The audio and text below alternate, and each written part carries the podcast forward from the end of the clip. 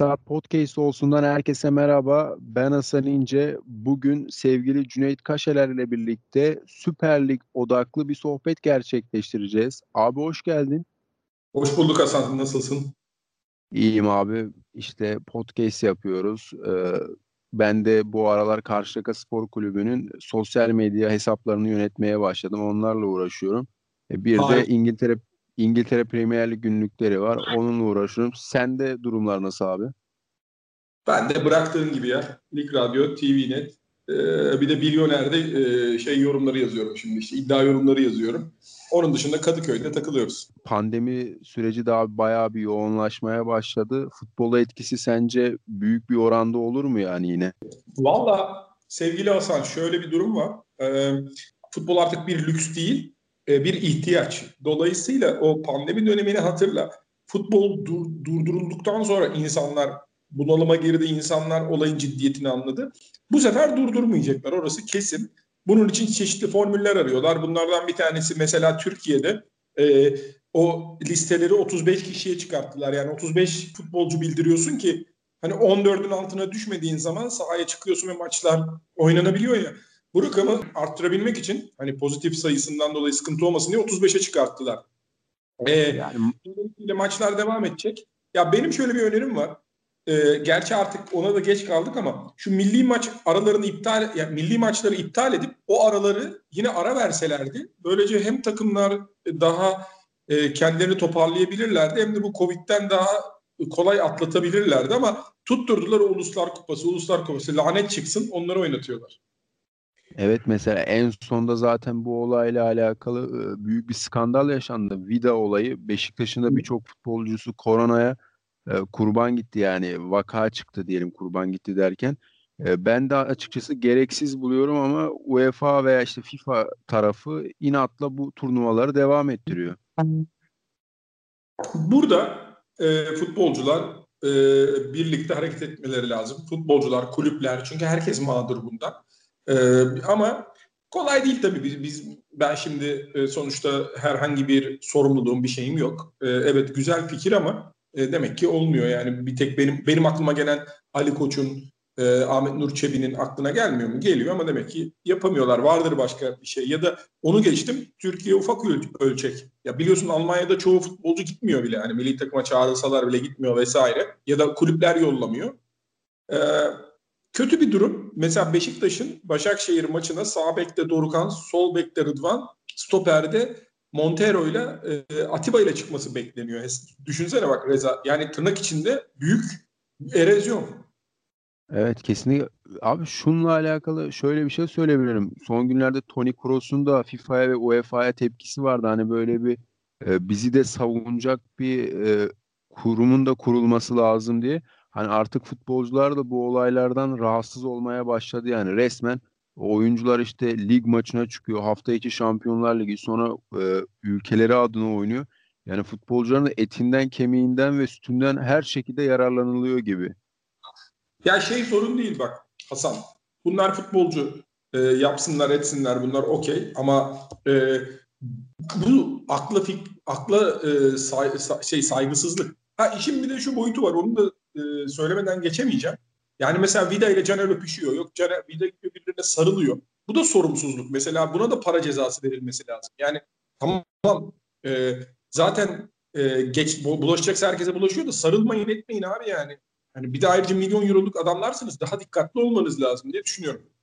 Kesinlikle şöyle de bir örnek vereceğim. Bana birazcık garip gelmişti mesela. Hani burada muhtemelen e, büyük bir televizyonda söylesek linç yeriz belki ama e, bizim futbolcularımız İstiklal Marşı okunurken mesela omuz omuza girdi hepsi. E, bence pandemi sürecinde bu tarz şeyler hani böyle gereksiz olduğunu düşünüyorum. Hani sen ne düşünürsün merak ediyorum abi cevaplamaya da bilirsin. Yok yok yok anlıyorum. Yok canım böyle konularda biz kimseye hakaret etmiyoruz. Terbiyesizlik de yapmıyoruz.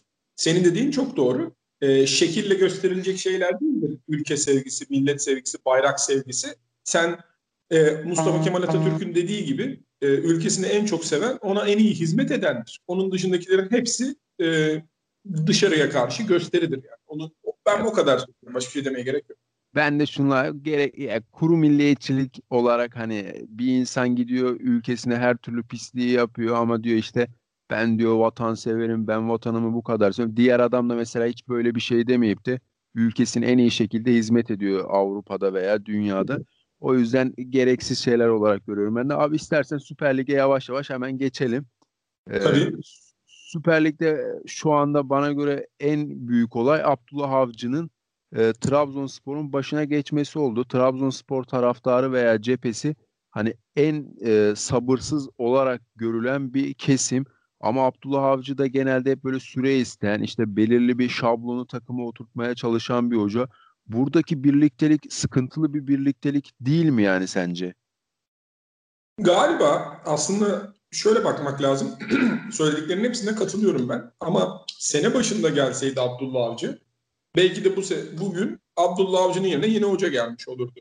Trabzonspor'da skorlara bağlı olarak. Ama şu anda en azından Trabzonspor camiasında evet durum bu. Ee, evet işte takım e, bu puanda artı bu takımdan çok da bir şey olmaz şeyi oluştu sanki. E, dolayısıyla bu bir avantaj olabilir Abdullah Avcı'ya.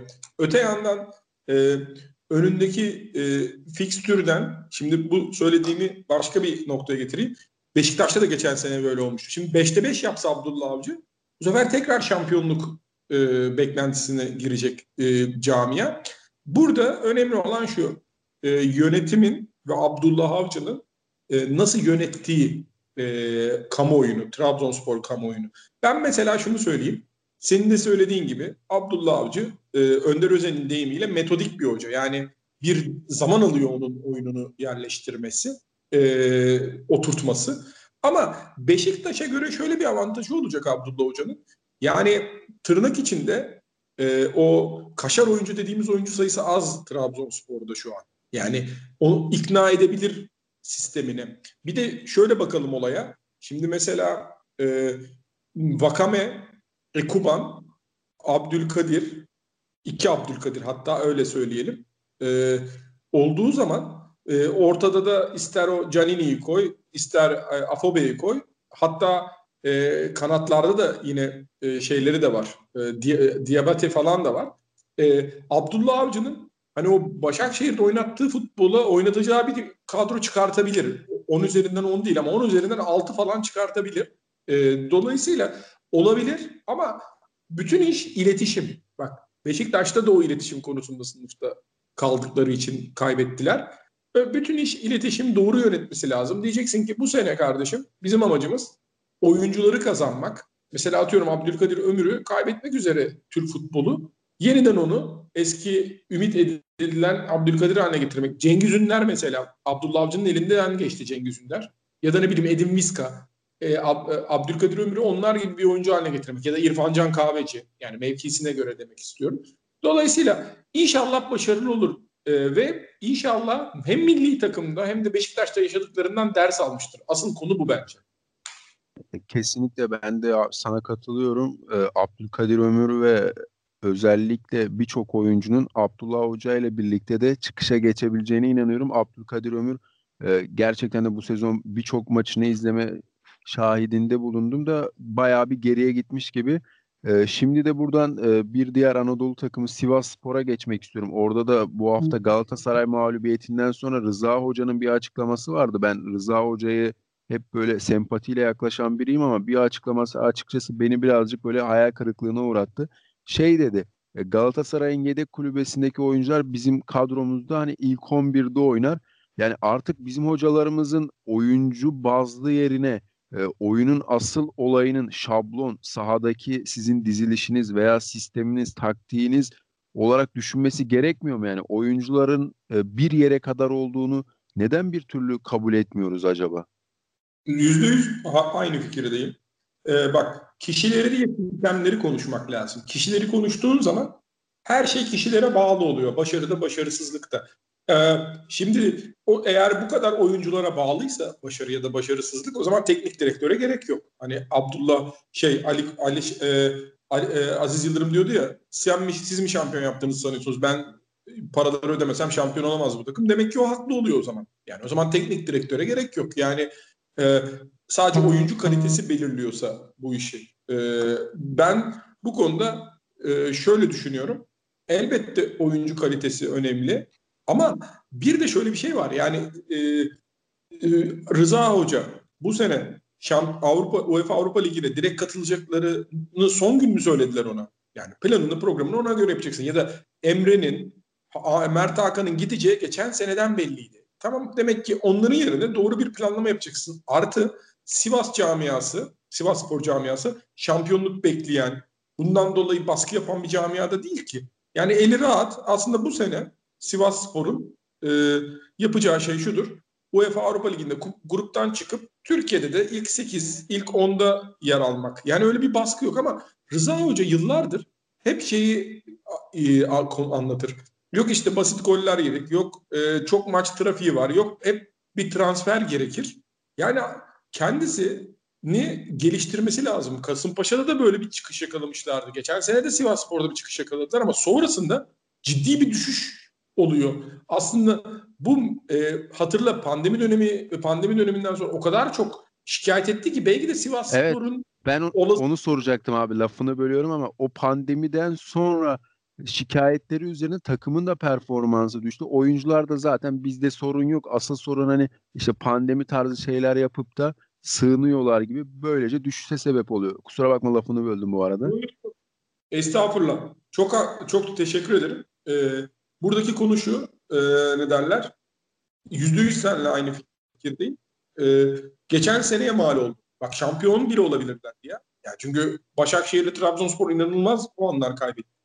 Ama şa- e, Rıza Hoca yani artık bir aynaya bakması lazım. Yani takım kuruyor, bir yere kadar getiriyor ama ondan sonra inanılmaz e, stratejik hatalar yapıyor. Bence sıkıntı e, nasıl ki o takımları oraya getiren, o başarıyı sağlayan Rıza Hoca ise düşüşte de en büyük pay onun. E, kesinlikle belki burada sadece sorun Rıza Hoca'da değil de yanındaki yardımcılarına takviye yapmalı veya onu bir üst seviyeye çıkaracak kişilerle de çalışmalı. E tabii ki de kendini de geliştirme bu arada hani ligimizin de en iyi hocalarından biri. Bundan kimsenin şüphesi yok. E, şimdi de e, sezonun en iyi takımlarından birine geçmek istiyorum. En iyi takım diyorum ama benim çok da aslında beğenmediğim e, itibariyle. E, Fenerbahçe e, geçtiğimiz hafta zaten e, Konya mağlubiyetiyle lige milli arasına girdi. E, bu Erol Hoca'nın en büyük eleştirilme noktası da kenar ortalar olmayınca Fenerbahçe sonuç alamıyor gibi e, sosyal medyada birçok eleştiri var. Sen buna katılıyor musun abi? Şöyle e, şunu söyleyelim. E, Fenerbahçe'nin e, yeni kurulan bir kadro e, net olarak e, 18 tane oyuncu gelmiş. İlk 11'e bakıyorsun geçen seneye göre e, geçen seneden gelen kalan oyuncu sayısı e, yani ilk 11'de Altay oynuyor geçen seneden. Son iki haftadır Serdar oynuyor yine geçen seneden. İşte, e, Ozan ve Gustavo var. Değil mi? Yani başka aklıma gelmeyen var mı? Yok. Onun yok, dışında yok. yeni oyuncular. Dolayısıyla yeni bir yeni bir takım. Ve e, kendilerinde belirttiği gibi e, Fenerbahçe e, çok büyük bir şeyle e, şöyle bir handikapla başladı. Bu takım şampiyon. Yani bu takım kafadan şampiyon olacak diye. E, evet yani bu kadar da e, iyi bir kadronun şampiyonluk adayı gösterilmesi de bu arada şey değil. E, yanlış değil. Ama e, burada ne oldu biliyor musun?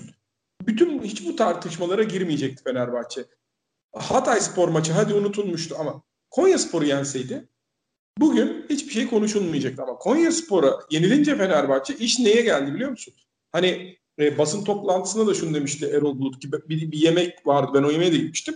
Bu milli maç arasından sonra gerçek Fenerbahçe'yi göreceksiniz demişti. Şimdi herkes şunu bekliyor. Gençler Birliği maçı itibariyle Fenerbahçe farklı bir futbol oynayacak. İşte gümbür gümbür kazanacak. E, Konyaspor maçını kazansaydı bu beklentiye girmeyecekti insanlar ama şimdi Konyaspor'a kaybedince e, böyle bir beklentiye girdiler ve şöyle bir sıkıntı var. Fenerbahçe ciddi sayıda milli takıma giden oyuncu da var. Mesela az önce bilgi geldi Gökhan Gönül de e, yaklaşık bir ay olmayacakmış e, sakatlığı nedeniyle. E, dolayısıyla yani Fenerbahçe'nin hani herkes çok orta yapıyor diyor ya. Bak şimdi ben sana şöyle söyleyeyim. Fenerbahçe 150 orta yapsın maç maç başına ve maç başına da 3 gol atsın. Kimse şey der mi çok orta yapıyor diye.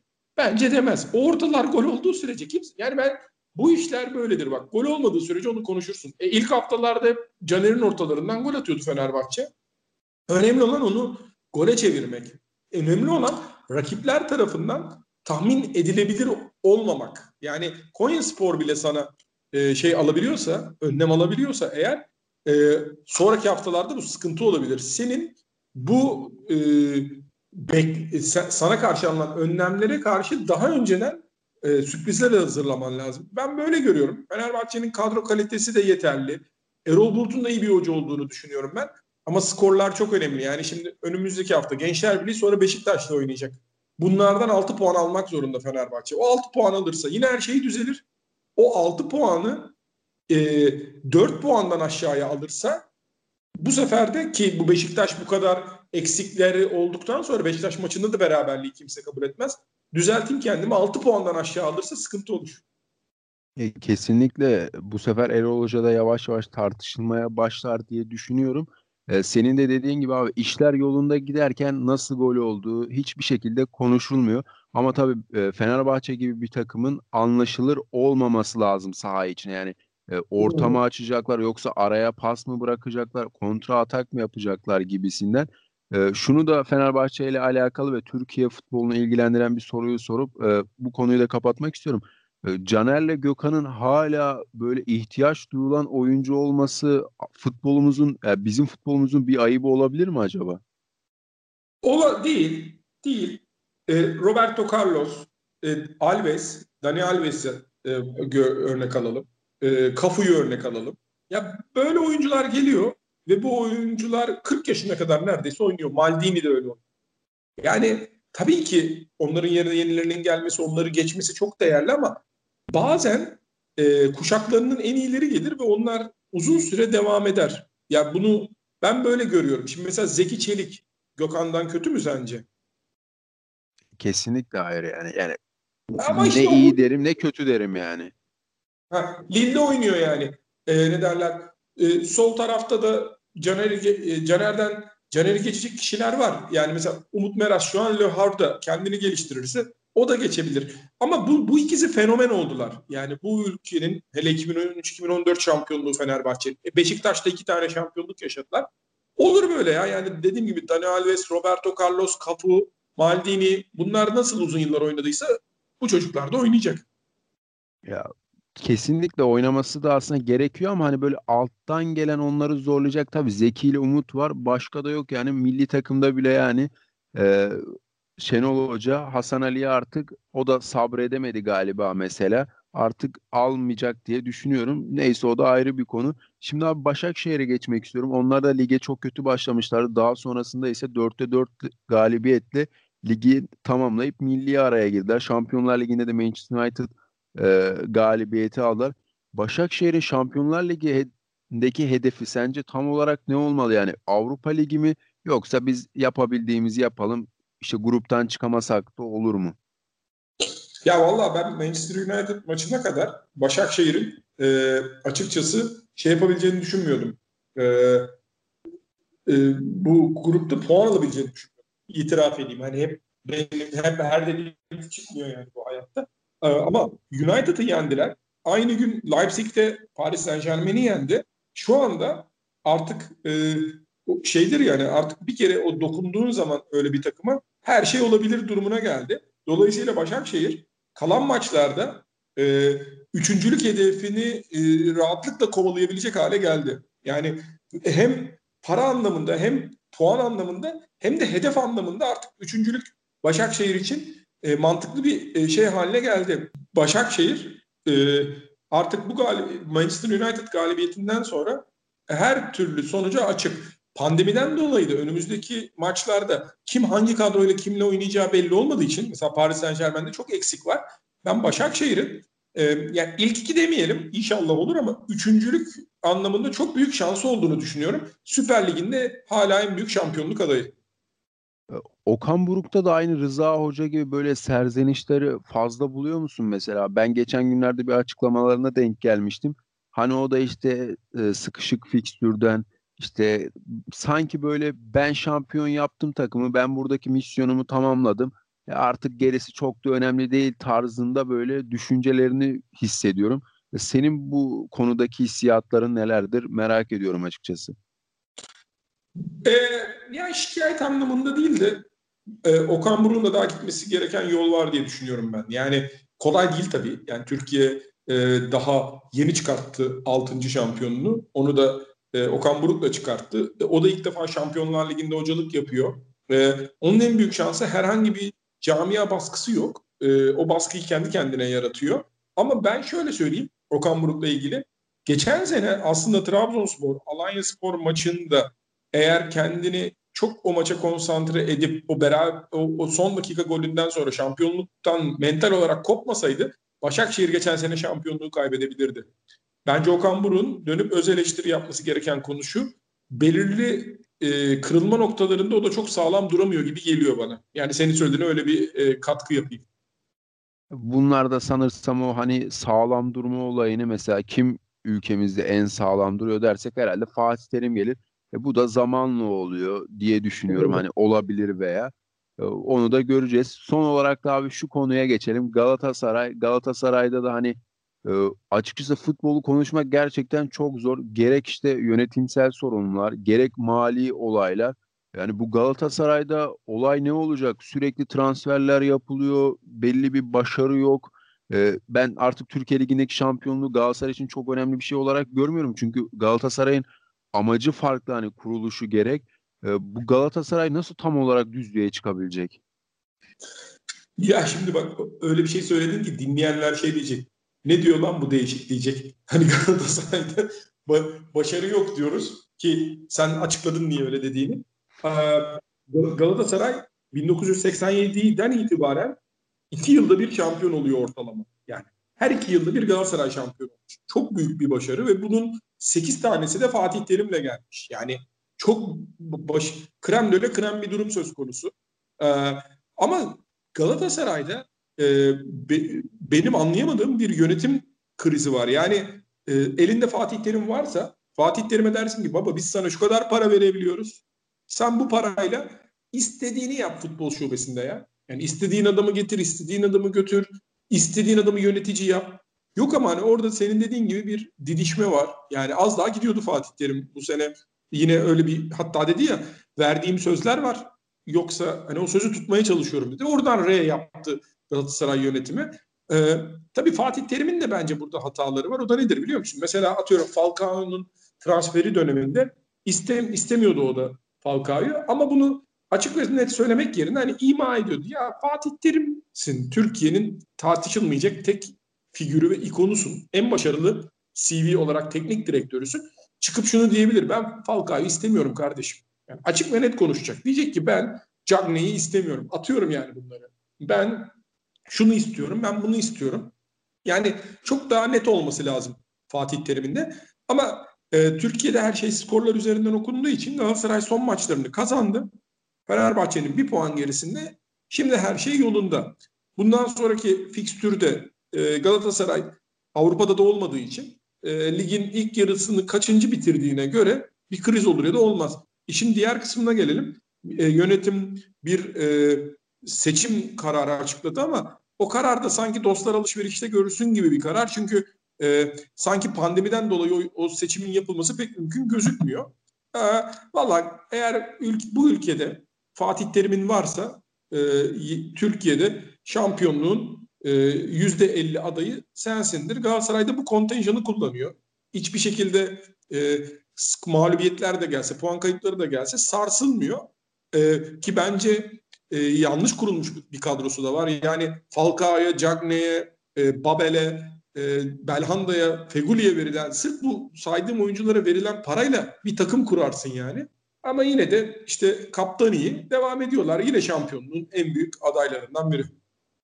Kesinlikle senin de dediğin gibi Fatih Terim varsa oyuncunun çok da önemi olmuyor. Bir şekilde o şampiyonluğun içinde bulunuyorsun ama ben Galatasaray hani Fenerbahçe'nin mesela her ne kadar bir puan gerisinde bulunsa dahi e, birçok hani e, futbolu takip eden insan da Fenerbahçe kadar önünün açık olduğunu göre, görüyordur yani. Fenerbahçe'ye baktığın zaman uzun vadede daha ileriye gidebileceğini düşünüyorsun ama Galatasaray'da bir hafta sonra neler olabileceğini bilmiyoruz. Yani bugün Sivas galibiyeti alınmasaydı geçtiğimiz hafta çok farklı şeyler konuşuluyor olabilirdi. Ee, ben açıkçası başarı dedim ya abi Türkiye'de hani başarı kabul etmiyorum tarzında. Benim için artık takımlarımızın asıl başarısı bir Avrupa'da bir şeyler yapması, iki de oyuncu yetiştirmesi olarak görüyorum mesela. Evet. Benim için takımların başarı kıstası bu. Yani ülkemizde istediği kadar şampiyon olsun bir takım. İsterse armasının yanları böyle yıldız da olsun. Benim için çok da bir başarı değil. E, çünkü bunun başarı olmadığını da ben açıkçası Galatasaray'da gördüm. E, Türkiye'de takımlara kök söktürüp gidip Avrupa'da e, puan dahi alamıyor. Bu gerçekten hani kötü bir durum yani. Bizim şampiyonumuz Avrupa'da sıfır çekiyor tarzında şeyler. E, benim dediğim gibi benim için artık başarı kıstası oyuncu yetiştirmesi ve Avrupa'da yaptığı başarı.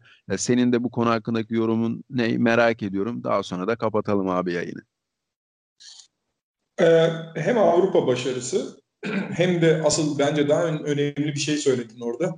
Oyuncu yetiştirmek. Bence bu kısmı daha önemli. Yani e, bugün e, Brezilyalı bin oyuncu oynuyordur dünyada yaklaşık olarak. Bunlar ortalama 1 milyon euro alsalar işte sen hesapla o parayı. Yani ne kadar büyük bir şey. Türkiye'de son dönemde oyuncu ihraç etmeye başladı.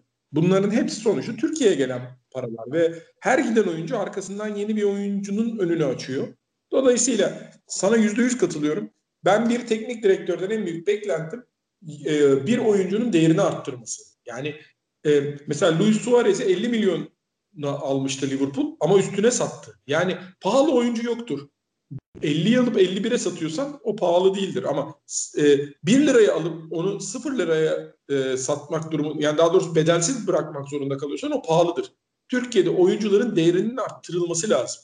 E, en büyük başarı bu olacak. Onun dışındakilerin hepsi senin dediğin gibi şampiyon oluyorsun. Ertesi, ertesi gün yenilik başlıyor. Avrupa konusuna da gelirsek Avrupa'yı e, hedefleyecek e, takımlar kurulması lazım, zihniyetler olması lazım. En son Beşiktaş'ta gördük işte Şenol Güneş'te e, hem e, iki sene üst üste e, şampiyon olduğu dönemde bir e, Şampiyonlar Ligi'nde gruptan lider çıktılar. Bir de işte o Lyon'a elenmişlerdi penaltılarla. En azından hedeflerimiz hep bu olması lazım. Yani UEFA Avrupa Ligi'nde, Şampiyonlar Ligi'nde gruptan çıkan takımlar olması lazım. Daha büyük hedefleri şu an ulaşamayız. Çünkü çok büyük bütçeler var. Ama bunları hedeflemesi lazım takımlarımızın. Hem maddi hem de e, hem maddi olarak buna ihtiyaçları var hem de misyon olarak ihtiyaçları var diye düşünüyorum. Kesinlikle şununla alakalı son şu, şöyle bir yorumum var. Ee, Beşiktaş'ın geçtiğimiz sezonki hani rakipleri yani o Avrupa'da oynadığı dönemde e, karşılaştığı takımlardan mesela Lyon geçtiğimiz yıl Şampiyonlar Ligi'nde yarı final oynadı. E, Leipzig'in zaten durumu ortada. Yani Beşiktaş'ın geldiği durumda yani tırnak içi komedi. Böyle bir hale gelmemiz açıkçası benim için çok üzücü. Birçok Beşiktaşlı taraftar da veya Türk taraftarı da üzülüyordur bu duruma. Ee, gerçekten takımlarımızın bu halde anılması da acı verici. Yani tekrar edelim. E, kişileri ya da olayları değil sistemleri konuşmamız lazım. Yani işte Şenol Güneş gittiğinde bu hale düşüyorsan eğer ya da işte ne bileyim Abu Bakar'a e, o zaman da Abu Bakar vardı. İşte e, kadroda diğer oyunculara bu kadar bağlıysan eğer sonuçta bu oluyor. Evet. Ben abi katıldığın için, beni kırmadığın için çok teşekkür ediyorum. E, son olarak ekleyeceğim bir şey yoksa yayını kapatalım. Kendine çok iyi bak. Görüşmek üzere. Görüşmek üzere.